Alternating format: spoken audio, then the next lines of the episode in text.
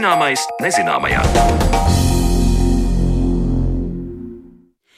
Esiet sveicināti! Skan raidījums Zināmais nezināmajā, to producēja Paula Gulbīnska un jūs uzrunā Mariona Baltkalne. Šodien raidījumā lielā mērā pievēršamies jēdzienam ilgtspēja, ko dzirdējuši būs daudzi, bet kas izrādās nemaz nav saistīts tikai un vienīgi ar kādām zaļām tehnoloģijām un risinājumiem. Par to runā arī sociāla antropoloģijas doktore Agnese Cimdiņa, autore nesen klajā nākušai grāmatai par ilgtspējas meklējumiem Arābijas tuksnesī. Ar Agnesi uz sarunu tiksimies šīs stundas otrajā daļā.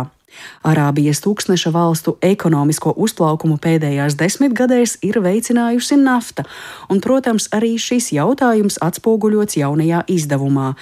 Bet kāda ir mūsu pašu Baltijas jūras ekonomiskā vērtība? Arī to var aprēķināt, tāpēc aicinām sākumā ieklausīties mūsu arhīva stāstā, ko veidojusi kolēģe Zane Lāce Baltalksne.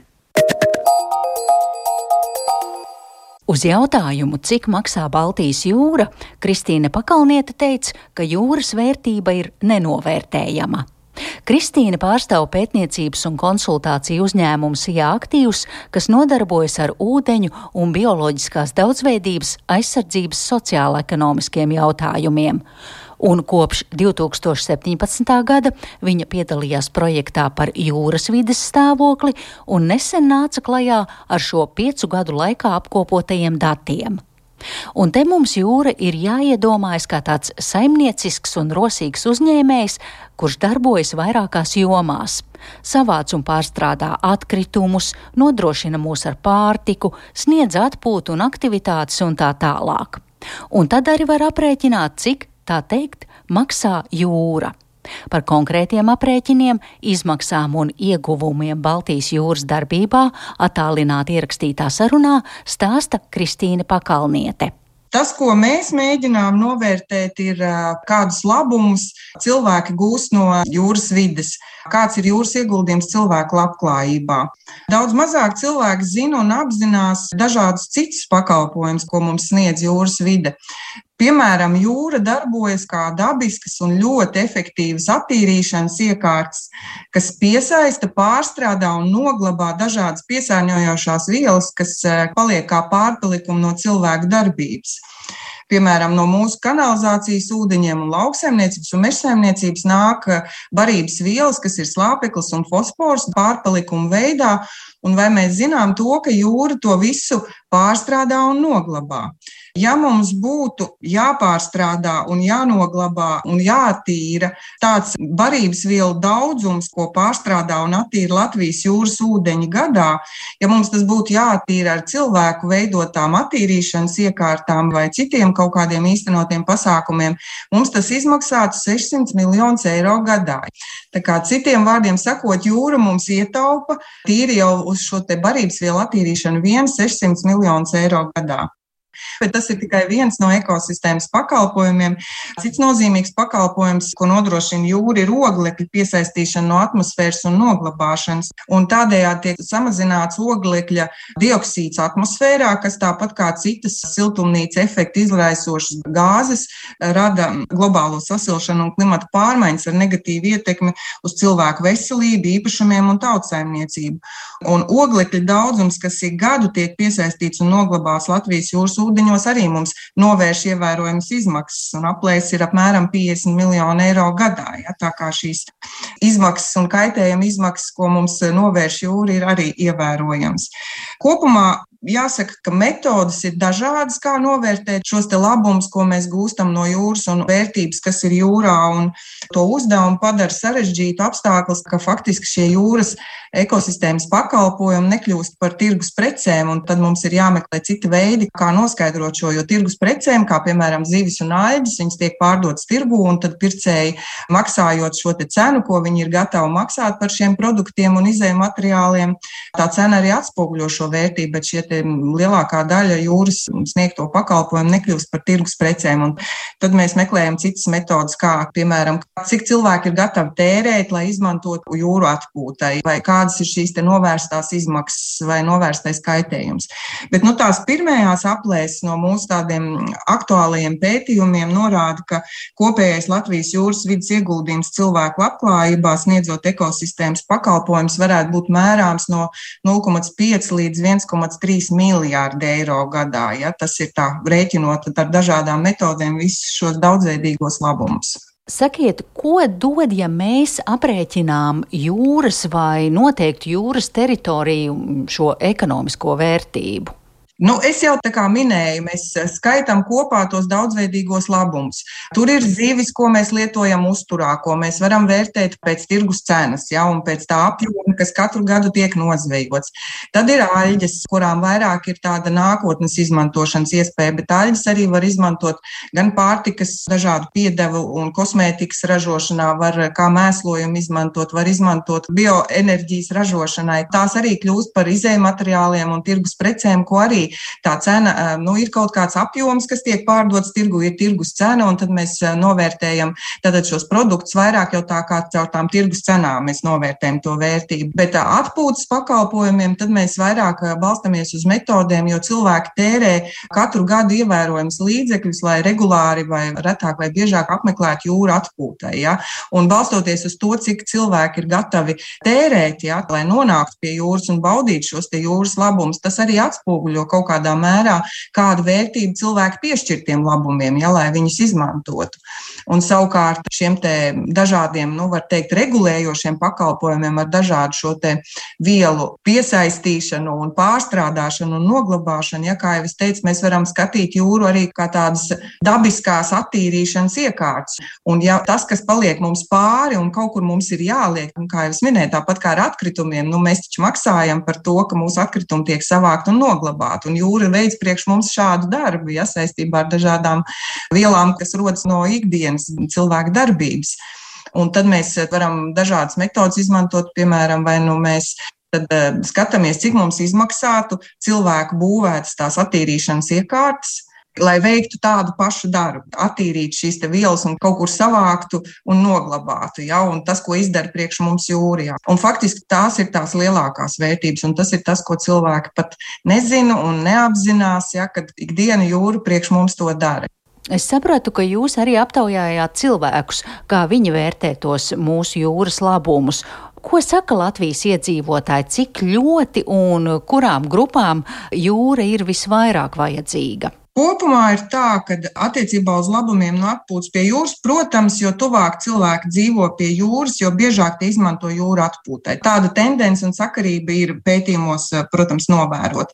Bet kopumā par Latvijas iedzīvotājiem mēs esam veikuši gan tādas, nu, tā kā iedzīvotāju fokus grupas diskusijas, gan nacionālas Latvijas iedzīvotāju aptaujas. Un kopumā jāsaka, ka gandrīz 85% Latvijas iedzīvotāju apmeklē jūru atpūtai, nu, ir apmeklējuši tieši vismaz pēdējo iepriekšējo trīs gadu laikā.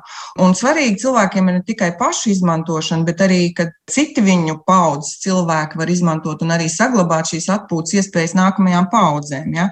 Un vairāk pat par 90% Latvijas iedzīvotāju atzīmē, ka viņiem šie ar atpūtu saistītie pakalpojumi, ko sniedz jūra, ir svarīgi. Ja, tā kā faktiski arī šie atpūtas pakalpojumi, tas nav tikai piekrastes iedzīvotāju jautājums. Mēs bijām pat tā varbūt nedaudz pārsteigti, cik cipari ir tiešām ievērojami, ka faktiski jūra mums ir nacionāla mēroga bagātība. Un tas ir ne tikai saistībā ar šiem atpūtas pakalpojumiem, ko mums nodrošina jūra, bet arī, ja mēs skatāmies šos regulējošos pakalpojumus, kur jūra piesaista un, un pārstrādā visas šīs vielas, ja, šīs vielas jau rodas no visas eh, Latvijas teritorijas, eh, no mūsu kanalizācijas ūdeņiem, lauksaimniecības darbības, un tas viss no zemes notek vai caur upēm nonāk jūrā. Ja, tā kā faktiski jūra apkalpo visu Latvijas teritoriju, ja, tā kā tā visas Latvijas iedzīvotājus, un pat arī vēl, jāsaka, lielākā mm, teritorijā, ja, jo mums jau nāk arī piesārņojums no augstecas valstīm.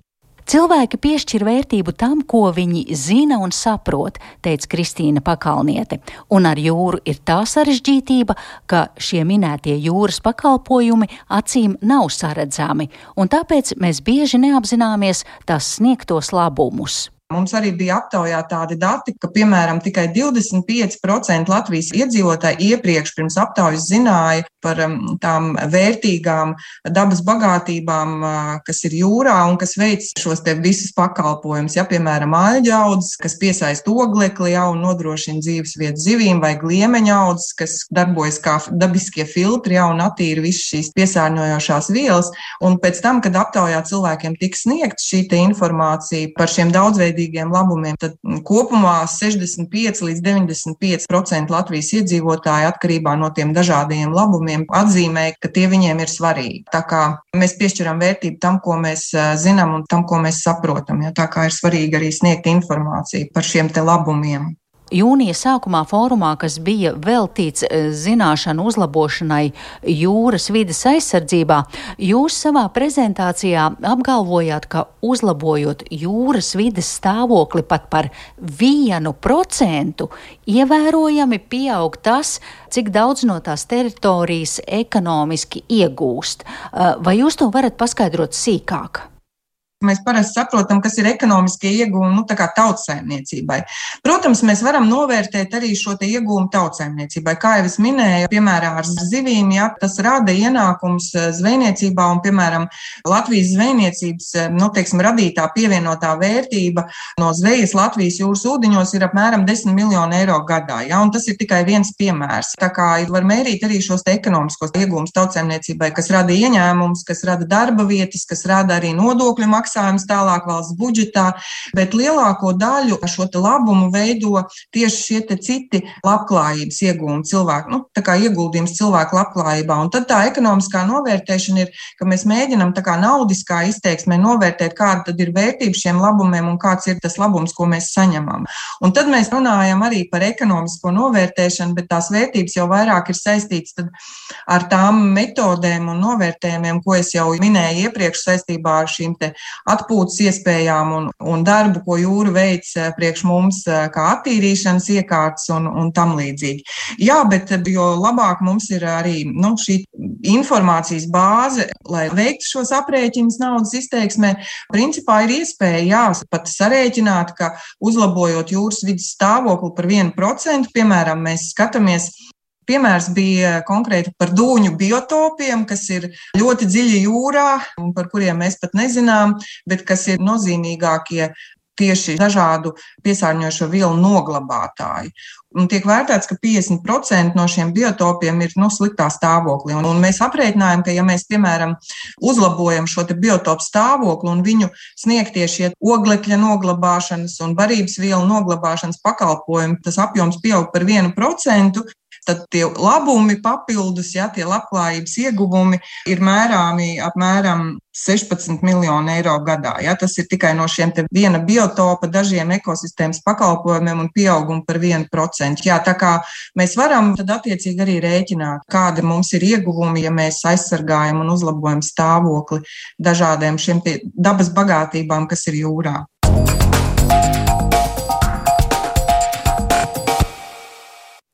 Cik maksā Baltijas jūra, to skaidroja vides ekonomikas pētniece Kristīne Pakalniete, ar kuru sarunājās Zanelāce Baltāksne, un šis bija mūsu arhīva materiāls. Bet par ekonomikas iespējām un ilgtspēju, ko Arābijas tuksnesī radījusi nafta, saruna raidījuma turpinājumā jau pēc brīža.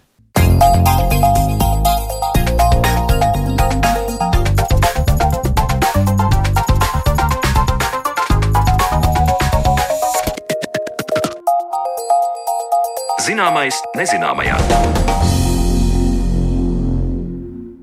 Vai naftas reģionā var runāt par ilgtspēju, vai tuksnesī, kas ir specifiska un īpaša ekosistēma, vajag tehnoloģijas, kas nodrošina ar tādiem resursiem, kuri dabiskā vidē tuksnesī nebūtu sastopami? Ko jauni resursi nozīmē dabai un vietējai kultūrai. Kāda veidojusies dzīve vietā, kur dominē sāls, smiltis un saule? Pētīt to devās sociāla antropoloģijas doktore un dažādības vadības eksperte Agnese Cimdiņa, un savas pārdomas viņa aprakstījusi jaunā grāmatā Ilgtspējas meklējumi Arābijas tuksnesī, tirgus un naftas antropoloģija. Ar Agnesi mēs šodien tiekamies attālināti. Agnese, labdien! Labdien! Mēs apsveicam ar grāmatas laišanu tautās, vēl pavisam karstu un e, svaigu, par pašu ideju un ieceri pētīt tuvos austrumus un doties uz Arābijas pussalu. Kāpēc? Kāpēc šāda vēlme? Iemesli ir vismaz četri. Īstenībā pat vairāk, bet visus droši vien mēs nepaspēsim iztirzāt. Nu, vispirmām kārtām jau tā bija neziņa, un arī nu, tie lielie izteikti aizspriedumi, kas eh, nu, gan mūsu eh, valstī, gan Eiropā kopumā valda pa šo reģionu. Es teiktu, ka Eiropai šis reģions gan vēsturiski, gan joprojām ir eh, ģeopolitiski ļoti nozīmīgs, tomēr niansēs mazpazīstams. Un uh, gan jau, ka tā arī ir tāda antropologa zinātnē, kā arī izprast to, ko mēs līdz šim neesam izpratuši. Un, ja mēs palūkojamies, teiksim, uz pēdējām desmitgadēm, ar ko šis reģions īpaši uzmanību guvis, tad, protams, tie ir lielie naftas resursi, tā ir arī migrācija, tā tie ir arī dažādi kari, nemieri, islāmistu kustības, sieviešu tiesību jautājumi.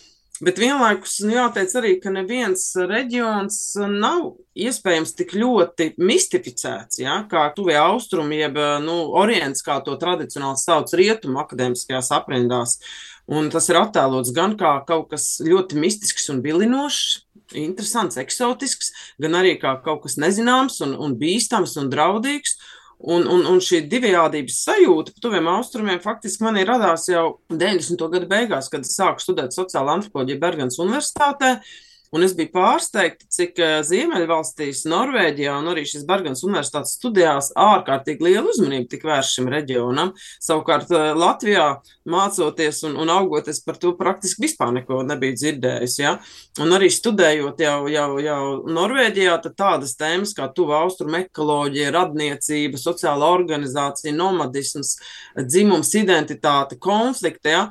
tas viss tika uzskatīts kā ārkārtīgi būtisks. Eh, un eh, vienlaikus, eh, tad, ņemot vērā to, ka manas nu, iepriekšējās izpētes tēmas bija saistītas ar Ziemeļvalstu uzņēmumu starptautisko darbību, un redzot, cik ļoti Ziemeļvalstīs uzņēmumi raugās uz šo Arābijas pusceles un tuvu austrumu reģionu, kā, kā, kā ļoti lielu potenciālu starptautiskā biznesa izaugsmē, tad man ir radās interese izpētīt, ko tas nozīmē Ziemeļvalstu uzņēmumiem ilgspējas vārdā, viedo tehnoloģiju vārdā, censties iet šajā tirgū. Tātad šī, šī Ziemeļvalstu uzņēmuma starptautiskā darbība bija tāds otrs aspekts, caur kuru tad es arī centos izzināt šo, nu, man līdz šim svešo reģionu. Un, uh, kamēr Latvijas teiksim, attiecības ar šo reģionu ir vēl tā teikt, nu, bērnu autiņos, ja, tad tieši bizness ir viens no tiem stūrakmeņiem Ziemeļvalsts un tuvu austrumu attiecībās. Ja. Tajā pašā laikā pētniecībā šīs biznesa intereses līdz šim nebija īpaši atspoguļotas. Nemaz nerunājot par naftas un naftas jautājumiem un enerģētikas jautājumiem no antropoloģiska skatu punkta.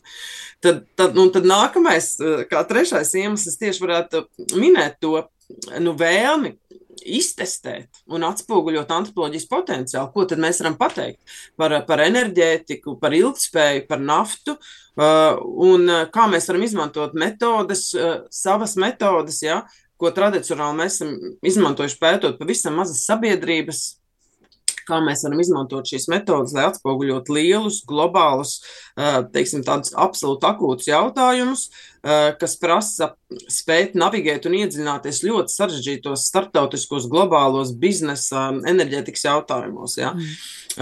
Un, un šī antropoloģiskā pieeja tad arī, protams, deva ļoti daudz ieguvumu un arī nu, savā veidā bija ļoti izaicinoša. Un tas ceturtais lielais nu, iemesls, varētu teikt, bija izprast to mm, globālās ilgspējas ideoloģijas, lokālās izpausmes. Jo mēs visi zinām, ka ir nodefinēti šie 17 starptautiskie mm, ANO mm, ilgspējīgas attīstības mērķi. Mēs zinām, kā, ko tā ilgspēja nozīmē. Tajā pašā laikā ikdienā tas mums ir kaut kas varbūt ne tik ļoti taustāms. Un pastoties, kā šī globālā izpa, iz, nu, ideoloģija izpaužas vietējās naftas ekonomikās. Un kā, teiksim, uzņēmēji no vienas naftas ekonomikas, piemēram, Norvēģijas, brauc uz citu naftas ekonomiku, piemēram, Arābijas līča valstīm Kā tad tur notiek tā biznesa sadarbība? Nu, nu, un, un, jo, protams, šīs ilgspējas prakses, ja tā var teikt, protams, ka tās nav vienādas, un izpratne par to, kas vispār ir ilgspēja, ja ir ārkārtīgi atšķirīgi dažādos kontekstos. Un, ja mēs to nevaram izprast, tad mēs arī īsti nevaram virzīt, virzīties uz šo ilgspējas mērķu sasniegšanu. Mm. Nu, tas īsumā, ja tā tad tādi bija tie četri galvenie iemesli, kādēļ es, es uzņēmos šo izaicinājumu doties uz Arābijas puseli un pētīt, mm. kā iet šo valstu tirgu un uh, sadarbības nolūkos, kā domāt par ilgspējas jautājumiem, kā izprast vietējo kultūru un ko vispār nozīmē izprast tirgu no antropoloģiskas perspektīvas. Mm. Jā, nu interesanti, ka tas vienojošais gan ar to vidi, ar kuru tu esi ilgi bijusi saistīta, Ziemeļvalstis, Norvēģija, tu pieminēji Bergenu, un eh, tagad Arābijas pusela, tur tas vienojošais ir nafta, bet, protams, katrā varbūt vidē tas ir mazliet atšķirīgi.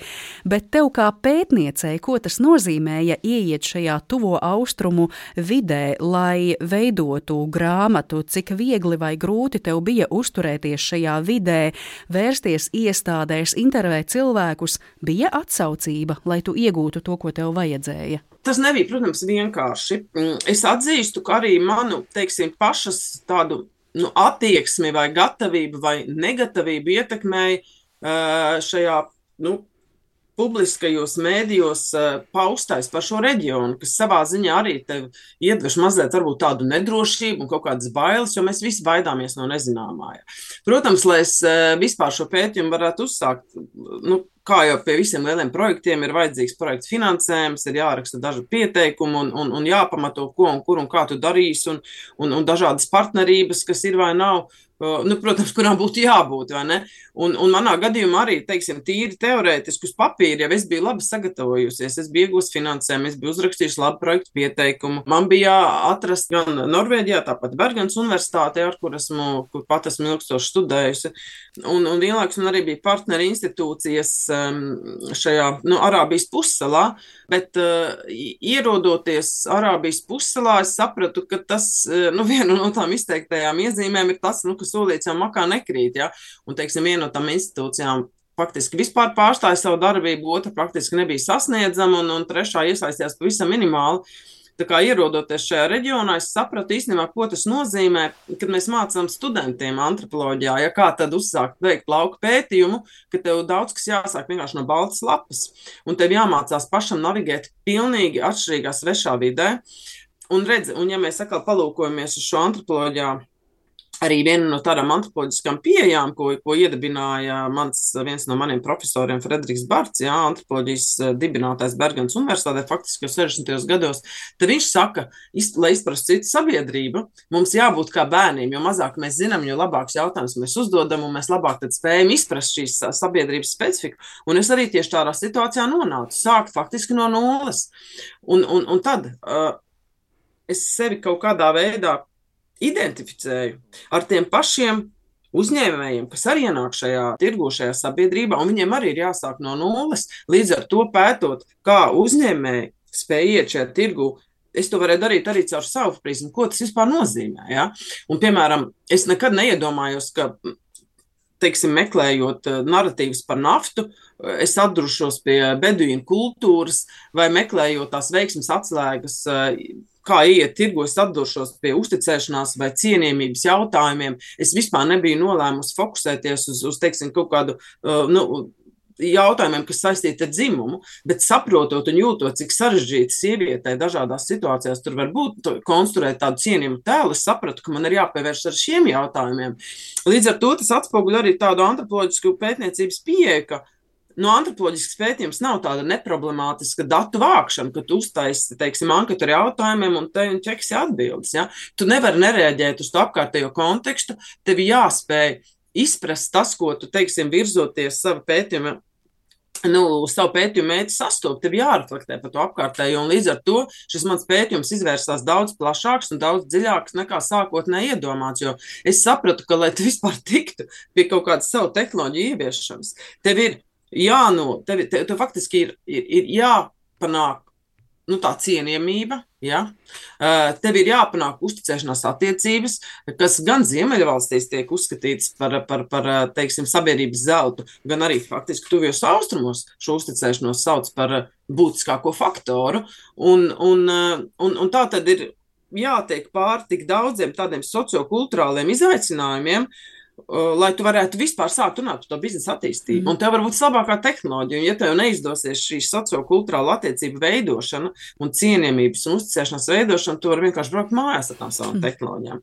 Un, un tas šo pētījumu, protams, izvērs ārkārtīgi interesantu un, un vienlaikus arī mazliet sarežģītu. Bet vēl varbūt komentārs, kas neatiec tikai uz teiksim, šo reģionu, bet arī ko nozīmē teiksim, kā antropologam ielausties jomā, kas tradicionāli bijusi eksakto zinātņu nozars paspārnē. Ja? Ko nozīmē eh, mēģināt iefiltrēties vidē, eh, kas, kur strādā, teiksim, enerģētiķi ja, un naftas inženieri.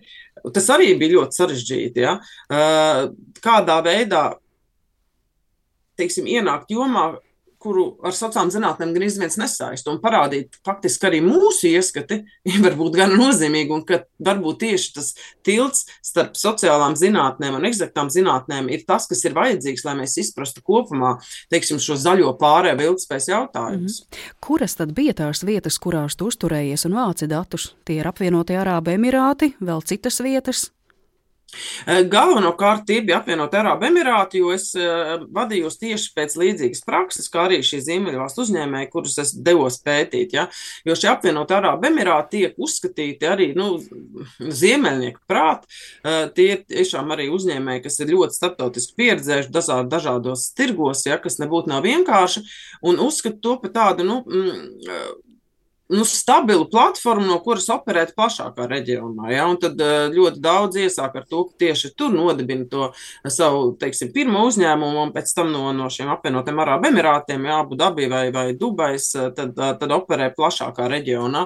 Un arī tā savā ziņā bija mana bāze, un galvenokārt. Abu dabī, bet, bet, protams, no vienas puses es sākotnēji centos piekļūt teiksim, tiem enerģētikas uzņēmumiem, kas sadarbojās Bet tad es sapratu laika gaitā, ka, lai es tiešām varētu kaut ko izprast par šiem enerģētikas pārmaiņām reģionā, man daudz vairāk izsaka nevis intervijas ar, ar, ar teiksim, enerģētikas uzņēmumu inženieriem, bet šī dzīve, kas notika ārpus enerģētikas uzņēmumu sienām. Un, un tad, kad es sāku navigēt pa tūkstošiem un meklēt vietējās tūkstošu saimniecības un skatīties, kā tad šīs ilgspējas tehnoloģijas dzīvi iespējo, kā tās palīdz, teiksim, īstenot kaut kādas, uh, nu, gan uh, strateģiskus, teiksim, izdzīvošanas plānus, gan, teiksim, tādas ļoti utopiskas uh, vīzijas, tas man faktiski deva daudz lielāku izpratni par to, par to enerģētikas ikdienas dzīvi, kas mums arī ir jāsaprot, ja mēs gribam saprast, ko tad nozīmē šī zaļā pāreja, un vai pāreja vispār var būt zaļa reģionā, nu, dabiski nekas zaļš gan nav, mm. kur nav pat saldūdens. Kāpēc tam ir jābūt kaut kam zaļam, ko mēs iztēlojamies zaļā krāsā? Jā, tu tieši arī savā grāmatā piemini šo vārdu salikumu ilgtspējas ideoloģija, vai konkrētais reģions iet roku rokā ar reālo situāciju, ka tur nav saldūdeņu un nekā zaļa. Un e, iespējams, ilgtspēja patiešām nav pirmais vārds, ko cilvēki parasti asociētu ar šīm naftas teritorijām, kur tuksnešos ir milzu debesskrāpji. Un un vienlaikus eh, ir vajadzīgi milzīgi ūdens resursi, lai būtu skaisti apzaļumotas teritorijas, lai varētu audzēt eh, tomātus, bet varbūt paši vietējie iedzīvotāji domā citādi. Galu galā, kā tu pati arī minēji, savulaik tur ir mituši beduīni ar nepastāvīgu dzīves vidi, ar teltīm, bet tagad ir augstceltnes, ir biroju telpas, cilvēki ir materiāli nodrošināti. Ko paši vietējie iedzīvotāji, kurus tev arī bija interesanti satikt, ko viņi domā ar šo vārdu salikumu ilgtspēja? Vai viņi to tiešām attiecina uz savu reģionu? Šis ir ļoti interesants un komplekss jautājums, kuram es arī esmu pamatīgi pievērsusies. Ja tie, kas lasījuši grāmatu, tie ir iedziļinājušies eh, nu, manos centienos izprast, ko tad nozīmē ilgspēja.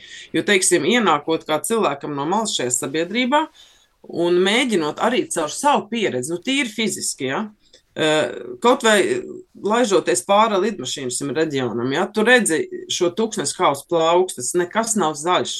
Viss ir, teiksim, ir tikai smilšu vāli atkal un atkal. Ja. Arī vēlāk jau ceļojot pa šo reģionu, tev galvā šaudās viena vienīga doma, kā iespējams izdzīvot šādā vietā, kā vispār iespējams dzīvot, kā tu vari baudīt dzīvi šādās vietās, izskautušas, izžuvušas, saules izdedzinātas, neauglīgas, teiksim, smilšu aizputinātas, mūžīgi sausas, nu, tādas šķietami nedzīves, ja, nedzīvot spējīgas, neilgtspējīgas. Teiksim, arī staigājot, pamēģiniet novelt basas kājas tajās tūkstnešu teritorijās, kājas burtiski deg. Tu nevari paiet. Saldūdens nav. Un tu, kad tu mēģini veldzēties tajos skaistos Persijas līča ūdeņos, tu saproti, ka ūdens ir tik silts un tik sāļš, ka no tā, tās veldes vietā tev, nu, nu, katrā ziņā tu nespēji atveldzēties, tev acīs koža, un tad tu domā, nu, kā vispār var dzīvība pastāvēt. Kaut vai tie paši dzīvnieki, nu, kur viņi veldzēs lāpes, ja tev nav saldūdens. Ja? Tātad tas jau tev pirmām kārtām tīri, tīri fiziski liek pašam izjust, ko vispār nozīmē būt tādā vietā, ja? vai dzīve šādā svelnē un sausumā vispār ir dzīvojama. Kā cilvēks tādai vidē var pielāgoties? Jā. Un arī teiksim, no mūsu perspektīvas, vai mēs varam iedomāties dzīvi pilnīgi bez mežiem, bez pļavām, bez zāles, bez ziediem, kokiem, krūmiem, puķiem, smaržām, upēm, bez dabīgas sāsūdens. Īsnībā nu, mums to ļoti grūti iztēloties, jā. bet to nevajag iztēloties, jo tur tas tā ir. Un, un, un līdz ar to šis izejas punkts arī tāds nu, tīri tāds fizisks izjūtas eh, ļoti daudz, mums ļoti daudz liek domāt par šiem. Mm, Ko tā ilgspēja nozīmē? Uh, bet izrādās, ka dzīve šādās vietās ir iespējama.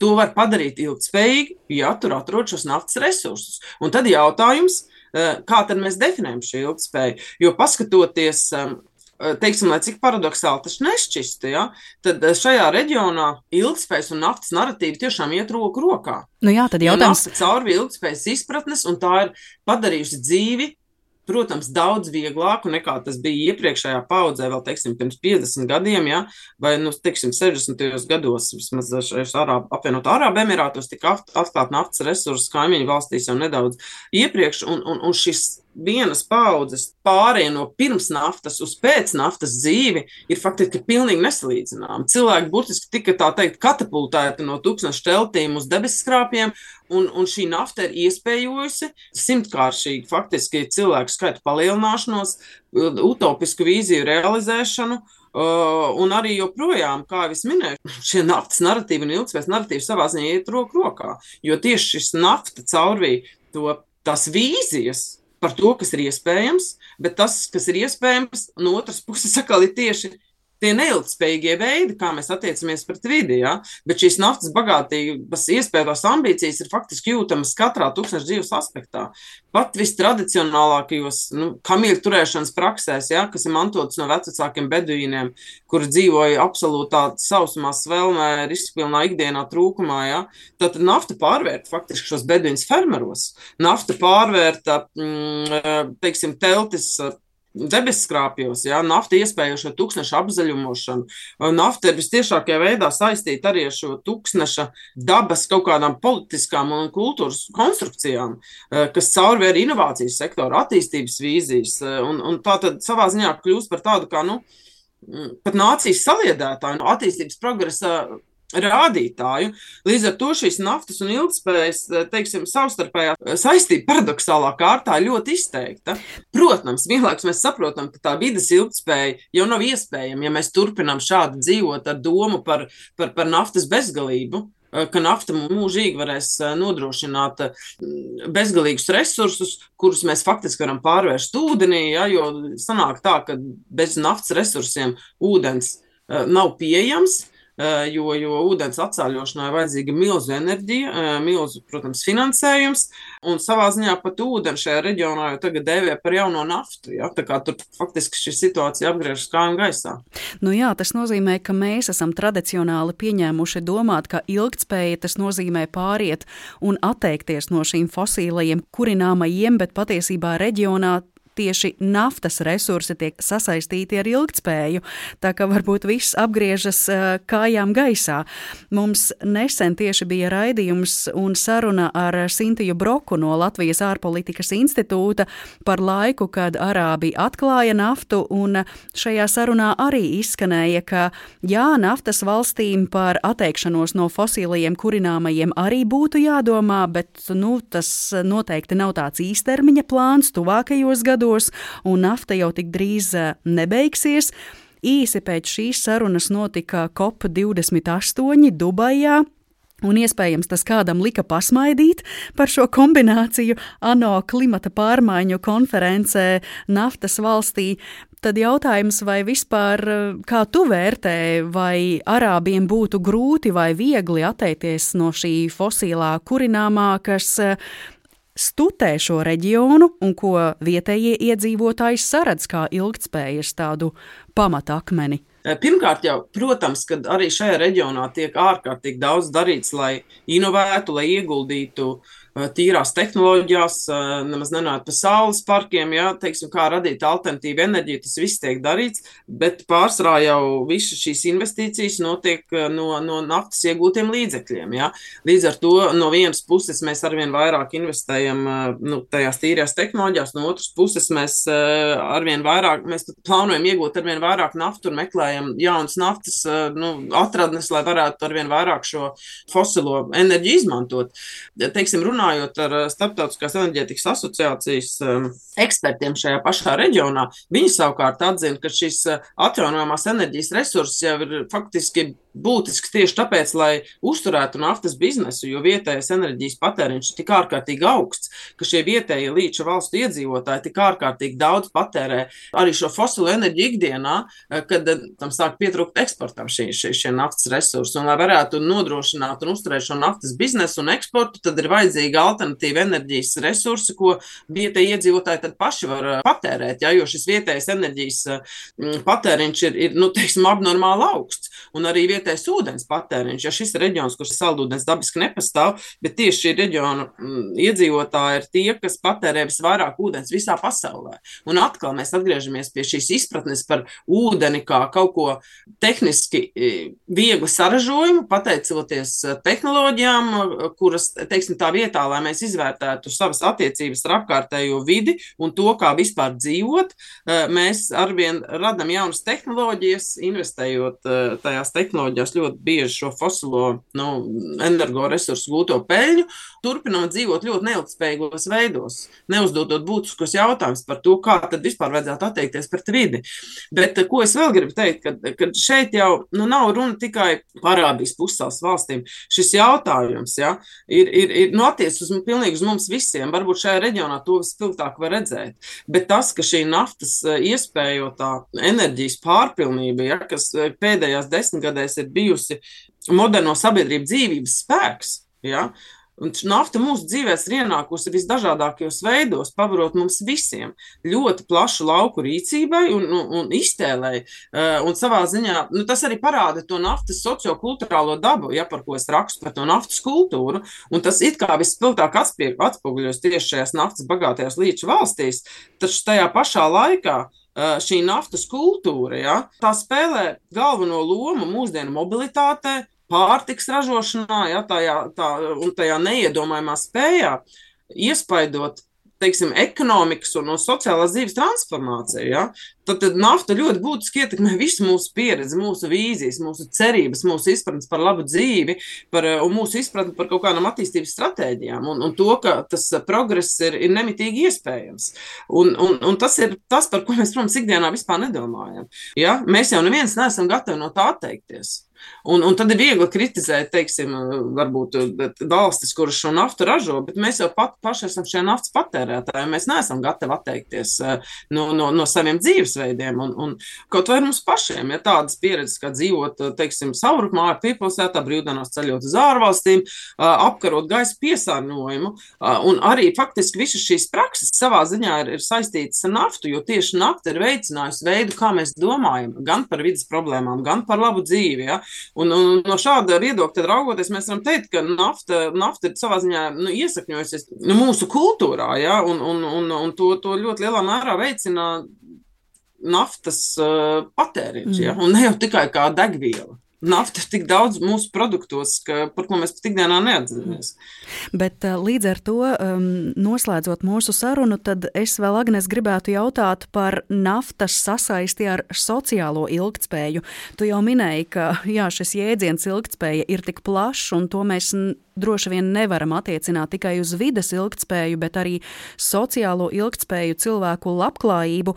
Un tas, ko arī mēs sarunā ar Sintiju Broku skārām, ka lūk tieši tuvo austrumu zemēs e, šie naftas resursi ir kaut kādā mērā varbūt arī padarījuši vaļīgākus grožus šajā valstu kultūrā. Tās joprojām ir islāma valstis, bet ja mums valsts ir turīga, ko mums sniedz nafta, mēs varam kļūt arī atvērtāki sabiedrībā. Nu, it īpaši, ja mēs runājam, piemēram, par sieviešu tiesībām. Kā tu mm, saredzi, vai būtu izdevīgi atteikties no melnā zelta naftas, pat ja tas cilvēkiem sniedz brīvību?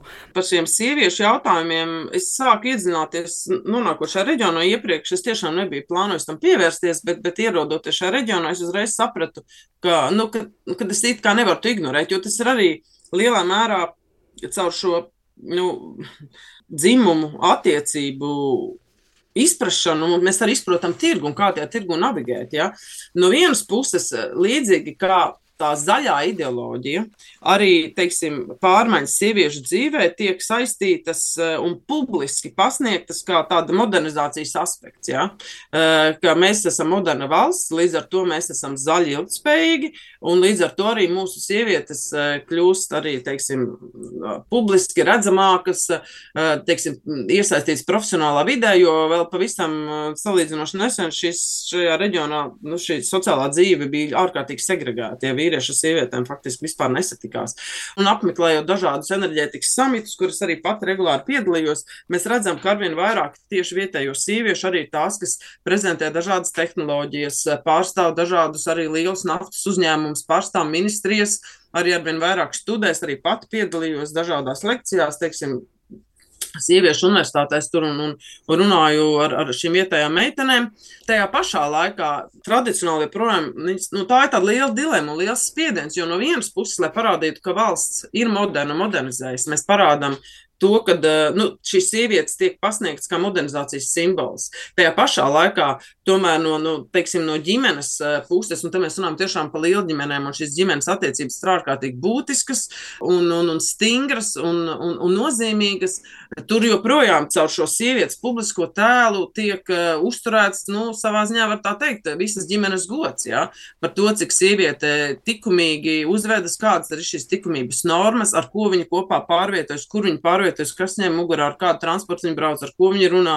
Joprojām arī universitātēs es novēroju, ka šīs meitenes atveda kāds nu, pavadonis mm, uz universitāti, eh, pēc universitātes atkal atbrauc viņām pakaļ universitātē joprojām, nu vismaz, eh, nu, varbūt ne visās, bet eh, tajās, nu, teiksim, Dubais universitātē, kur šīs mācības notiek atsevišķi un, un tur tiek ļoti pieskatīts, lai šīs meitenes nesatiktos ar, ar neradnieciskiem vīriešiem. Brīvas pārvietošanās ierobežojums tos ļoti liela mērā nu, arī kontrolē kaut kādas tās vietējās nu, tankas, ja tā var noteikt, un, un kā tad šie vietējie tautieši par tevi runā vai nerunā. Un, un, un cik lielā mērā tu saskaries ar, ar teiksim, ārzemniekiem, cik, cik nē. Un, nu, tas bija nu, īstenībā ļoti komplekss un ļoti grūti to novienādot. Ja arī teiksim, bija ģimenes, eh, kur meitenēm bija absolūti aizliegts vispār tikties ar, ar jebkādiem vīriešiem, kas nav brāļi vai tēvi. Bija, teiksim, ģimenes, kur, kur, kur vecāki saprata, ka, ka tā meitai veidojas nu, nopietnas attiecības ar kādu vīrieti, un, viņas it kā viņi pievērš to acis un ļauj meitai satikties, bet nevienam citam ģimenē tas vispār netika atklāts, eh, jo tas sociālais spiediens no, ap, no apkārtējās sabiedrības ir ļoti izteikts.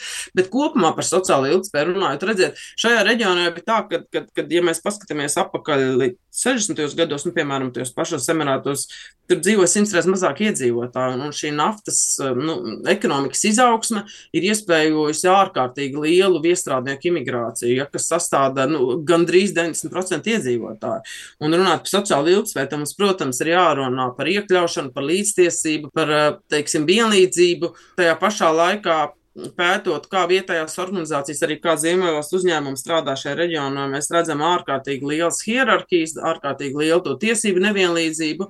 Un tas ir arī tas, ko, par ko ļoti daudz, es arī intervēju ļoti daudz eh, darbinieku no citām valstīm, kas strādā šajos Ziemeļvalsts uzņēmumos, arī pašus ziemeļniekus, un, un šī izpratne par to, ka, šis, ka šīs tiesības ir absolūti nevienlīdzīgas, izpaudās atkal un atkal. Un, un tad no vienas puses, jā, ir, ir šis ir šī naftas bagātības resursi, e, kas ļauj nodarbināt vairāk cilvēkus, e, piesaistīt ārkārtīgi, ārkārtīgi, ārkārtīgi daudz iestrādniekus, bet, ja mēs paskatāmies atkal uz šo sociālās ilgspējas būtību, uz kur caur mums varētu, vajadzētu skatīties ar šo dažādības un iekļaušanas prizmu, tad uh, tur šo problēmu jautājumu ir ļoti, ļoti daudz, un, un tas nav nekas, ko es esmu atklājusi, ja? uh, nu, tikai es atklāju, jo par to ziņo ļoti daudz dažādas, uh, nu, starptautiskas uh, darba devēja, darba darba ņēmēju organizācijas, un pie šiem jautājumiem tur ir, ir ļoti daudz vēl jāstrādā. Mm -hmm. Līdz ar to noteikti ir aspekti, kurus eh, mēs, raugoties uz šīm tuvo austrumu zemēm, varam vērtēt eh, ļoti kritiski. Protams, ja runājam par šiem cilvēktiesību, sieviešu tiesību jautājumiem, un ir noteikti arī aspekti, kur ehm, šī nafta un fosīlie kurināmie nu, savā ziņā ir arī slavējumi, slavējami, jo tie ir pavēruši jaunas iespējas gan attiecībā uz cilvēku skaita pieaugumu darba vietām un labākiem dzīves apstākļiem citiem cilvēkiem.